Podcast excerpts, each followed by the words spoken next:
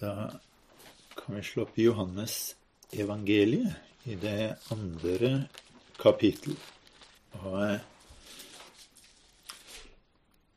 vi begynte jo å se litt på Johannes evangeliet forrige gang.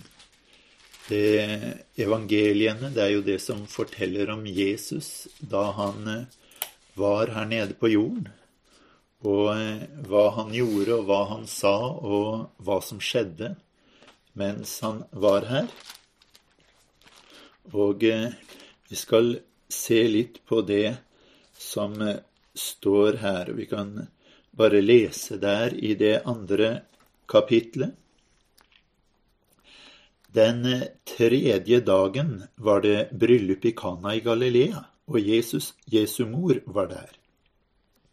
Også Jesus og disiplene hans var innbudt til bryllupet. Da det ble mangel på vin, sa Jesu mor til ham, De har ikke vin. Jesus sa til henne, Kvinne, hva vil du meg? Min time er ennå ikke kommet. Hans mor sa til tjenerne, Hva han sier til dere, det skal dere gjøre. Nå sto det etter jødenes renselsesskikk seks vannkar av stein, hvert på to eller tre anker. Jesus sa til dem, Fyll karene med vann, og de fylte dem til randen. Så sa han til dem, øs nå opp og bær det til kjøkmesteren. Og de bar det til ham. Kjøkmesteren smakte på vannet som var blitt til vin. Han visste ikke hvor den kom fra, men tjenerne visste det, de som hadde øst opp vannet. Kjøkmesteren kalte da på brudgommen og sa til ham, hver mann setter først den gode vinen fram, og når de er blitt drukne, da den ringere. Men du har gjemt den gode vinen til nå. Dette sitt første tegn gjorde Jesus i Kana i Galilea, og åpenbarte sin herlighet, og disiplene hans trodde på ham. Etter dette dro han ned til Kapernaum, han selv, hans mor, hans brødre og hans disipler. Der ble de noen få dager. Jødenes påske var nå nær, og Jesus dro opp til Jerusalem. I tempelet fant han dem som solgte okser, sauer og duer, og pengevekslerne som satt der. Da laget han seg en svepe av rep og drev dem alle ut av tempelet, med sauene og oksene. Pengevekslernes penger tømte han ut, og bordene deres veltet han. Til dem som solgte duer, sa han, ta dette bort herfra, gjør ikke min fars hus til en handelsbod. Hans disipler mintes da at det er skrevet, nidkjærhet for ditt hus skal fortære meg. Jødene tok da til orde og sa til ham, hva for tegn viser du oss siden du gjør dette? Jesus svarte og sa til dem, Bryt dette tempelet ned, så skal jeg gjenreise det på tre dager. Jødene sa til ham, I 46 år har det vært bygd på dette tempelet, og du vil reise det opp på tre dager? Men han talte om sitt legemes tempel. Da han var reist opp fra de døde, mintes disiplene hans at han hadde sagt dette, og de trodde Skriften og det ord Jesus hadde sagt. Mens han nå var i Jerusalem i påsken, på høytiden, trodde mange på hans navn, da de så de tegnene han gjorde. Men Jesus selv betrodde seg ikke til dem, fordi han kjente alle, og fordi han ikke trengte til at noen skulle vitne om et menneske. For selv visste han hva som bodde i mennesket. Så kan vi gå til kapittel fire og eh, vers 43. Men etter de to dagene dro han derfra til Galilea, for Jesus selv vitnet at en profet blir ikke aktet på sitt eget hjemsted. Da han nå kom til Galilea, tok galileerne imot ham fordi de hadde sett alt det han hadde gjort i Jerusalem på høytiden, for også de var kommet til høytiden. Han kom igjen til Kana i Galilea, der hvor han hadde gjort vann til vin.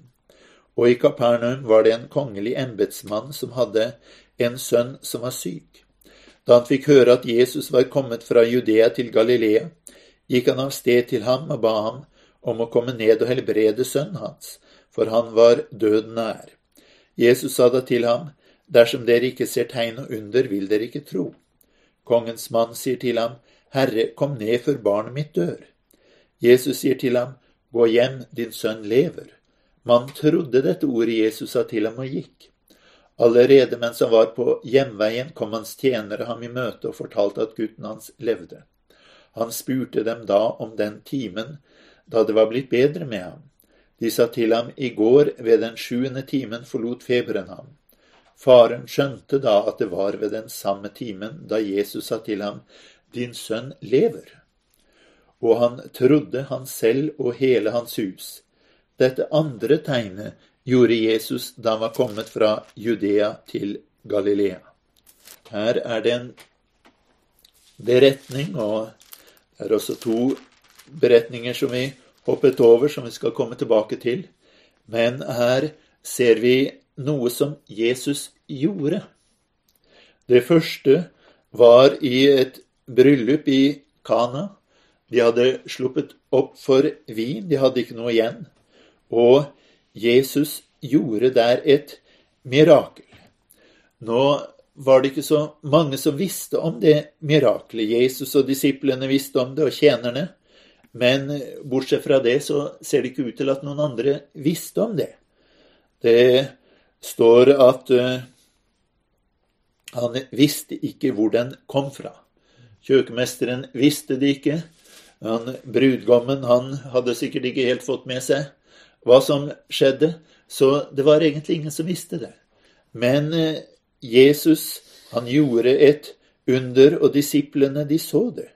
Og det står dette sitt første tegn gjorde Jesus i Kana i Galilea, og åpenbarte sin herlighet, og disiplene hans trodde på ham. Så det var en spesiell grunn til at Jesus gjorde dette underet. Det var for at de skulle få den vinen de trengte, det var det jo alltids, men det var også for at de skulle se hvem Jesus var. Det står han åpenbarte sin herlighet, og disiplene hans trodde på ham. Men eh, så leste vi videre at Jesus kom til Jerusalem, og der eh, ryddet han kraftig opp. De hadde jo tempel i Jerusalem, og på den tiden så drev de jo med offer. At de ofret sauer, og de ofret geiter, og de ofret bukker og, og, okser og forskjellig. Og eh, for at folk skulle kunne ofre og slippe å ta med seg alle dyrene hele veien, så hadde de satt opp en butikk sånn eh, rett eh, på utsiden av forgården og på innsiden av hedningenes forgård slik at der drev de og solgte disse dyrene. Og her er det at Jesus han sier 'gjør ikke min fars hus til en handelsbod'. Det var for så vidt ikke noe galt i at de hadde okser som eh, man kunne få kjøpt, men eh, problemet var at de gjorde det der man egentlig skulle komme for å møte Herren. Nå hadde de sørget for å trekke det utenfor jødenes del, men den sto i hedningenes del. Der hvor hedningene skulle komme til beherren, det eneste stedet hvor de hadde og skulle møte Gud, der hadde de satt opp butikken for å håndtere eh, de tingene som eh, trengtes til ofrene. Og det ser vi at Jesus reagerte på. Han velter alt sammen. Han lagde seg en svepe, står det, av noen tau, og så jagde alle sammen ut og veltet bordene, og pengene fløy overalt. Og så ser vi at de, de tok til orde og sa til ham, Hva for tegn viser du oss, siden du gjør dette? Og her ser vi at det kommer et nytt tegn. De, de spør hva, hva er dette for slags tegn? Disiplene de hadde sett tegn i Kana, og de så hans herlighet. Og når de så tegnet, så trodde de på Jesus, og trodde på hvem han var. De her ser også tegnet, men de tror ikke noe på ham. Når han får spørsmålet hvilke tegn viser du oss, så sier han bryt dette tempelet ned, så skal jeg gjenreise det på tre dager. Og De trodde han snakket om det tempelet der borte, men det Jesus sa var gjør det, riv dette tempelet ned. Han uh, talte om sitt legemes tempel, står det. Og disiplene de skjønte det da han var oppreist fra de døde på den tredje dagen. Da forsto de at det var det han snakket om, for det var akkurat det han hadde sagt. Tre dager skal jeg bruke på å gjenreise det, og tre dager brukte han på å stå opp igjen fra de døde. Men når vi ser på det som står her i kapittel 2 vers 23, så står det at mens han nå var Jerusalem i påsken på høytiden, trodde mange på hans navn da de så tegnene han gjorde. Det står ikke her noe mer om hvilke tegn han gjorde, men det var tydeligvis mange tegn.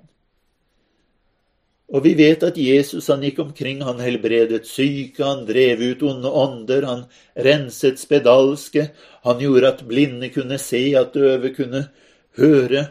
Alt slikt leser vi om overalt. Så her var det tydelig at Jesus hadde allerede begynt å gjøre dette i Jerusalem, for de så de tegnene han gjorde. Og de trodde på ham. Men så står det men Jesus selv betrodde seg ikke til dem, fordi han kjente alle. Altså, de trodde på Jesus, men Jesus hadde ikke tiltro til dem. Og det er en litt alvorlig sak. Og så kan du si at hvorfor hadde ikke Jesus tiltro til dem?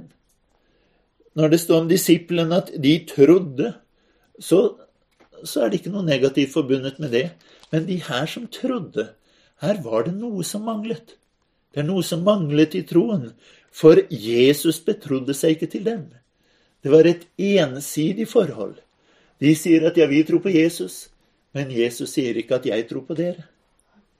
Og eh, vi vet Jesus sier i, i Matteus 7 at mange skal komme og si at har ikke vi gjort tegn og under i ditt navn, har vi ikke talt profetisk i ditt navn, har vi ikke gjort store ting i ditt navn?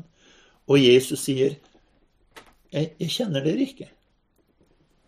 Med andre ord, de sier at ja, men Jesus, vi har trodd på deg. Men Jesus sier at jeg har ikke hatt noen grunn til å tro på dere. Han betrodde seg ikke til dem. Det var ikke noe gjensidig forhold mellom dem og Jesus. Og hvorfor? Jo, det står her han kjente alle. Og fordi han ikke trengte til at noen skulle vitne om et menneske, for selv visste han hva som bodde i mennesket. Og jeg tror kanskje der han sier til oss, ikke bare visste han hva som bodde i alle de forskjellige mennesker, men de som så Jesus, de så at der er det et menneske. Og de vitnet om ham at han var et menneske. Men eh, Jesus var noe mer enn et menneske. Det står at i begynnelsen var ord, ordet var hos Gud, og ordet var Gud. Ordet ble kjød og tok bolig blant oss. Det står om Gud som ble åpenbart i kjød. Jesus, han var Gud som hadde kommet ned. Han var ikke bare et vanlig menneske som andre mennesker, men han var noe helt spesielt. Men disse, de trodde på Jesus, men så er spørsmålet hvilken Jesus var det de trodde på? I Kana i Galilea hadde han åpenbart sin herlighet, og de trodde på ham. De trodde på den herlighet de så. Men de i Jerusalem, de ser ut til å ha trodd bare på de tegn og under de så. Derfor leste vi det fjerde kapittelet at galileerne de tok imot ham fordi de hadde sett alt det han hadde gjort i Jerusalem på høytiden. De hadde sett, og de, de, de ville gjerne se mer. Og det er de Jesus sier til dem at dersom dere ikke ser tegn og under, vil dere ikke tro. Det var med andre ord noen som var opptatt med det at ja, du må gjøre det, du må gjøre det, du må gjøre det. Hvis du helbreder meg, så skal jeg tro. Hvis du helbreder han, så skal jeg tro. Hvis du gjør et under, så skal jeg tro. De var opptatt med hele tiden å se nye under. Og eh, jeg har en venn han er pensjonert nå, men han var i mange, mange år misjonær i Sør-Amerika, i forskjellige land der. Og han fortalte der Det var en kvinne som jeg tror hun hadde vært syk, eller om det var en ulykke, det husker jeg ikke. Men hun hadde endt opp på sykehuset, og hun døde. Og hun ble tatt videre fra sykehuset til likhuset og lå der og ventet på at hun skulle bli begravd. Og mannen hennes var fortvilet, og menigheten, de, de ba til Gud. Og plutselig så skjedde det et mirakel. Der på likhuset så satte denne kvinnen seg opp og kom ut. Hun var lagt på likhuset, hun var erklært død av sykehuset. Men hun sto opp fra de døde, og mannen hennes fikk henne tilbake, og de kunne gå ut derfra og gå hjem. Men, fortalte han misjonæren, i dag er de frafalne begge to. De hadde sett et mirakel. Men det å se et mirakel, det er ikke det samme som at mitt liv blir forvandlet. Ja, en som er blind og begynner å se, han kan si at ja, øynene mine er blitt forvandlet. Men har det skjedd noe med meg på innsiden? Du vet, hvis du er utsatt for en ulykke og du kommer inn på sykehuset og en lege opererer deg, eller hvis du har fått et hjerteinfarkt og en lege opererer deg og du blir bra igjen, så er du takknemlig. Men eh, det er jo ikke sikkert at du ser denne legen igjen resten av livet. Han gjorde det han gjorde, og du sier tusen takk, og du går videre. Slik er det også mange som har kommet til Jesus, de har bedt Jesus om noe, han har svart dem. Og så har de gått videre. Men det som skjedde med disiplene, det var noe annet. De så hans herlighet. De så hans herlighet. Og det gjorde at de ble. Vil også dere gå bort, sier Jesus til dem senere. Og Peter svarer, Herre, hvem skal vi gå til? Du har det evige livs ord. De hadde fått del i noe mer. De hadde fått noe som ga dem liv. Det var noe som var noe viktigere enn bare denne helbredelsen. Jesus, Det står her om Jesus at han ville ikke at noen skulle vitne om et menneske, for selv visste han hva som bodde i et menneske. Og deretter så treffer vi på to tilfeller hvor det er nettopp det som skjer. I det tredje kapittel så står det det var en mann blant fariseerne som het Nikodemus. Han var en av jødenes rådsherrer. Han kom til Jesus om natten og sa til ham, Rabbi, vi vet at du er en lærer kommet fra Gud, for ingen kan gjøre disse tegnene som du gjør uten at Gud er med ham. Det høres, jo flott ut. Han var en av jødenes rådsherrer. Han var høyt oppe. Men han kaller Jesus for rabbi. Det var en ærefull tittel. Det betydde lærer eller læremester. Det var en tittel på noen som man anerkjente som en som hadde noe å si, som man skulle høre på. Og han sier her, vi vet at du er en lærer kommet fra Gud. Og du kan nærmest høre på han er som han var en av deres rådsherrer. holdt jeg på å si. Han kom fra universitet og erklærte at vi i vårt akademiske kollegium vi har bestemt oss for at vi kan godta deg. Og de så på Jesus som en lærer. Men hva er det Jesus svarer? Han sier sannelig, sannelig, sier jeg deg, uten at en blir født på ny, kan han ikke se Guds rike. Med andre ord, han trodde han hadde skjønt hvem Jesus var.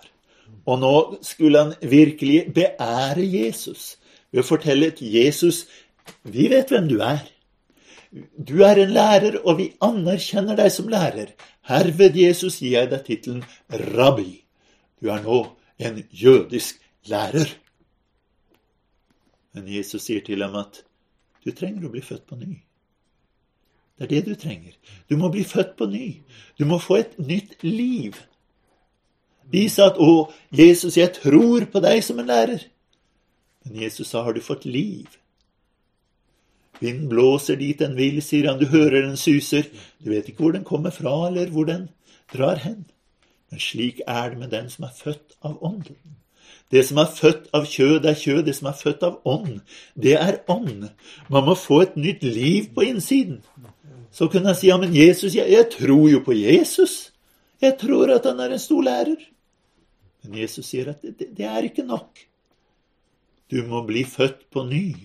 Du må få oppleve noe på innsiden. Den eh, neste vi kommer til, er den samaritanske kvinne.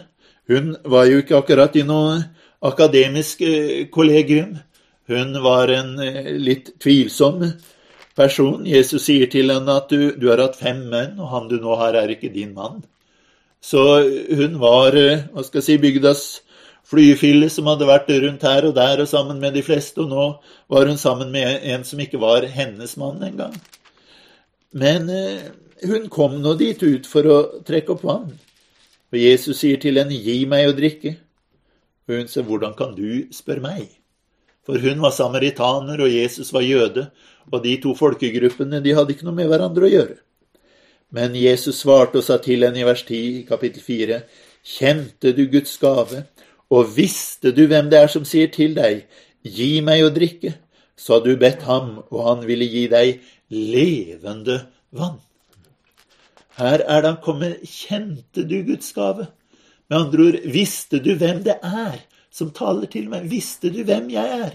Så hadde du spurt om å få levende vann, eller om det ville renne vann. Ikke bare en brønn som inneholder noe kan gå tom, men noe som bare renner og flyter utover. Hun spør, hvor har du det vannet fra? Men Jesus svarer og sier til henne, Vær den som drikker av dette vannet, blir tørst igjen, men den som drikker av det vannet jeg vil gi ham, skal aldri i evighet tørste, men det vannet jeg vil gi ham, blir i ham en kilde med vann som veller frem til evig liv. Så han sier til henne at ja, visste du hvem jeg var, så hadde du spurt om å få vann. Vann av den typen som veller frem til evig liv. Du hadde bedt om å få noe som ville forvandle deg fra innsiden. Og så snakker de litt videre, og hun eh, Hun ber om å få dette, og så sier Jesus til henne, Gå og ro på mannen din, og kom så hit. Kvinnen svarte, Jeg har ingen mann. Jesus sa til henne, Med rette sa du, Jeg har ingen mann, for du har hatt fem menn, og den du nå har, er ikke din mann. Der talte du sant. Og Da er det at kvinnen skjønner det her. Så han sier at kvinnen sier til ham, Herre, jeg ser at du er en profet. Så her har vi altså to beretninger etter hverandre hvor begge tror at de vet hvem Jesus er. Nikodemus sier at 'vi vet at du er en lærer'. Jesus sier du må bli født på ny. Kvinnen sier at 'Å, jeg, jeg, vet, jeg ser at du er en profet'. Ja, hun hadde ikke rett, hun heller. Begge trodde at de hadde rett, men de hadde ikke rett. Han første fikk beskjed om at du må bli født på ny.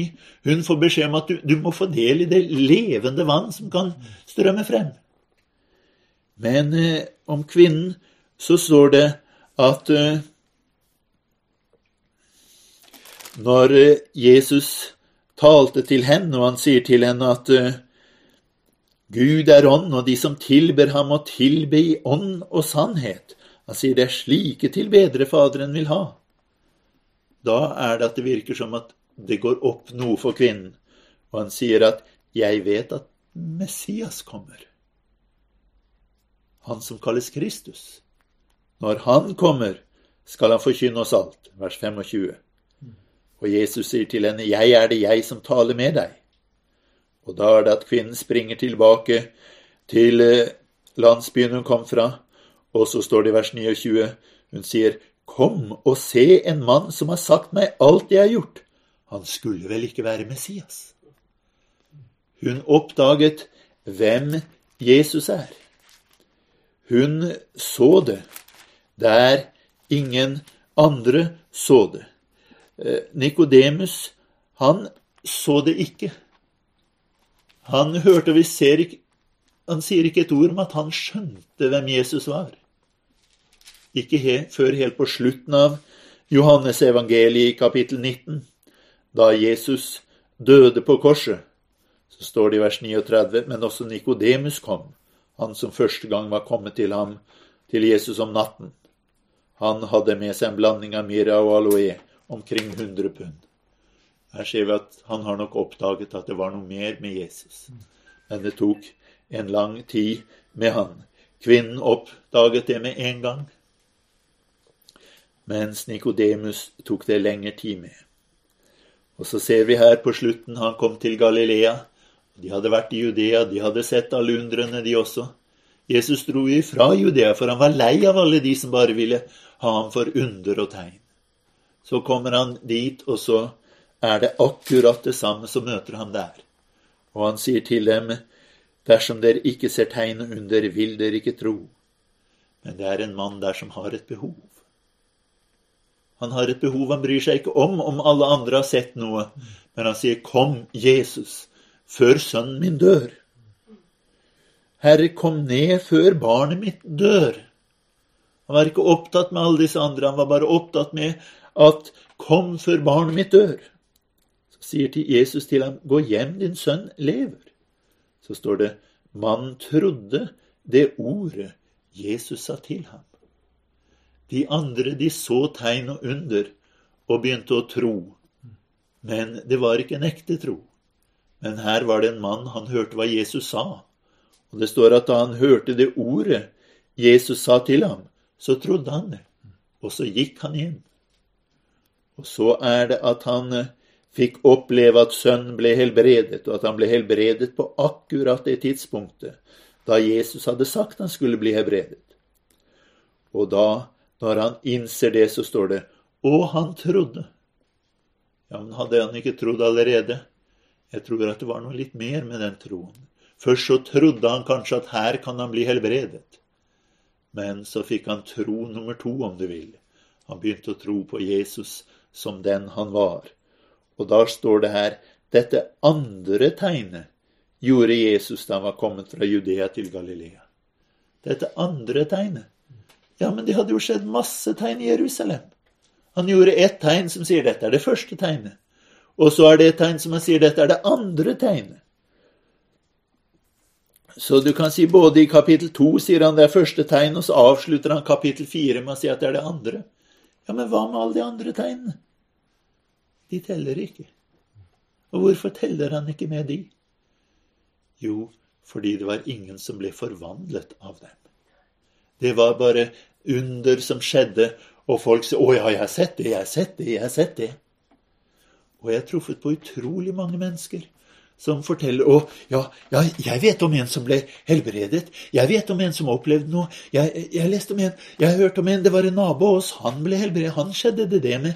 Det var en hjemme, han var en fyllik, men etter at han fikk møte Jesus, så er han blitt en ordentlig kar. Jeg, jeg, jeg har sett det, jeg har sett tegn, jeg har sett tegn, jeg har sett tegn men de har aldri blitt forvandlet av tegnene de har sett.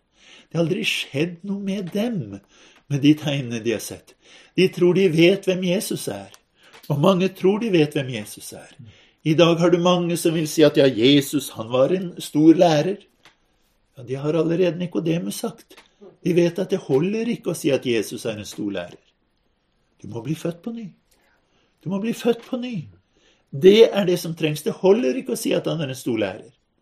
Ja, de andre de sa at ja, Jesus han har gjort store under. Ja, men det hjalp dem ikke, det heller. Det hjalp ikke at de trodde at Jesus kunne gjøre store ting. Det er mange mennesker som tror at Jesus kan gjøre store ting.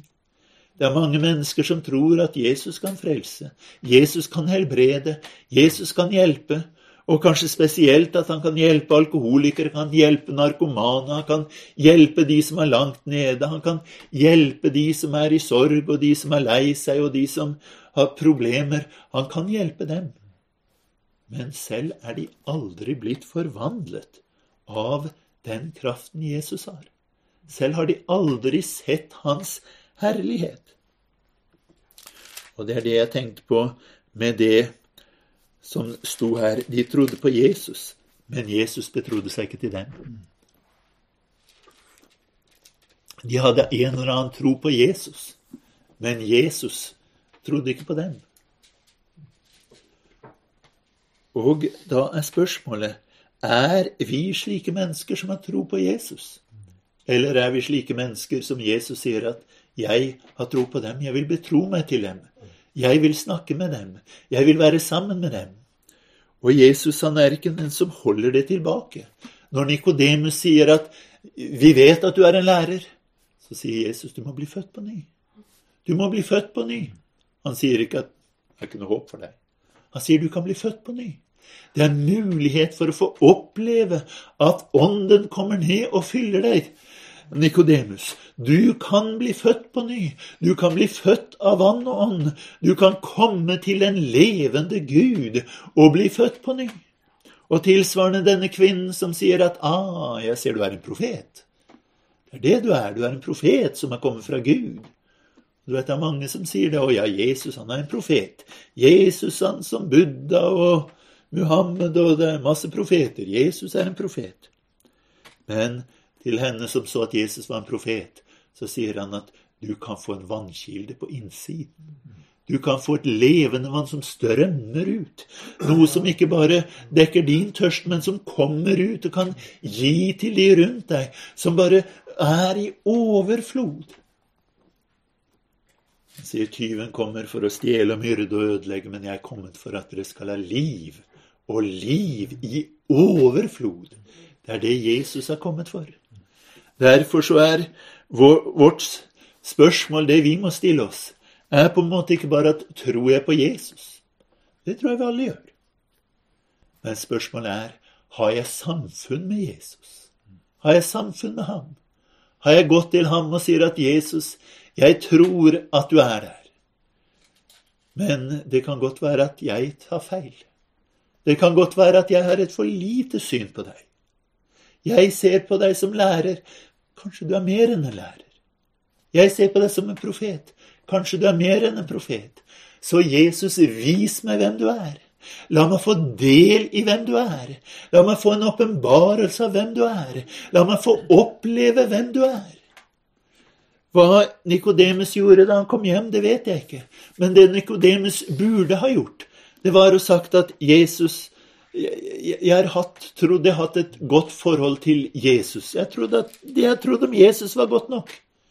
Men Gud, jeg trenger å bli født på ny. Kjære Gud og Far, kom til meg, fød meg på ny. La meg bli født av vann og ånd. La Ånden komme inn i mitt liv og ordne det som intet menneske kan gjøre. Jeg har trodd, men jeg har trodd så lite om Han. Jeg trenger å bli født på ny.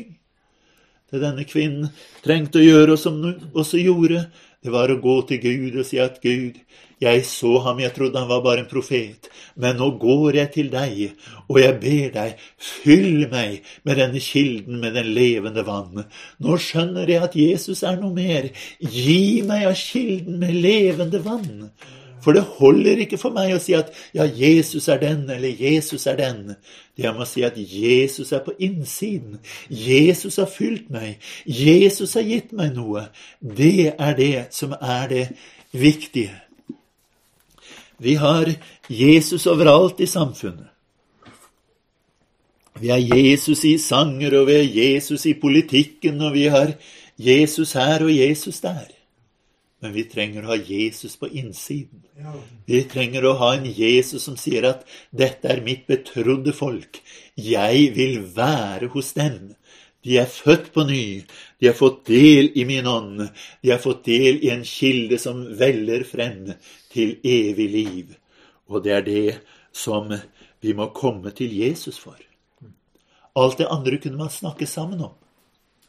Nikodemus hadde kanskje snakket sammen med et par-tre andre, for han sier jo at vi vet Vi vet at du er en lærer kommet fra Gud. Han hadde tydeligvis snakket med en her og en der, og de hadde snakket sammen og kommet fram til at du er en lærer kommet fra Gud.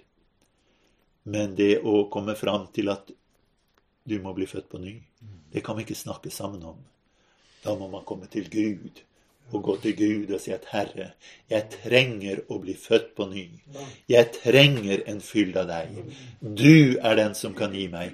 Det er ikke noe jeg kan hjelpe deg med. Det er ikke noe vi kan hjelpe hverandre med. Det er noe Gud kan gjøre, og hvor vi må komme til Han.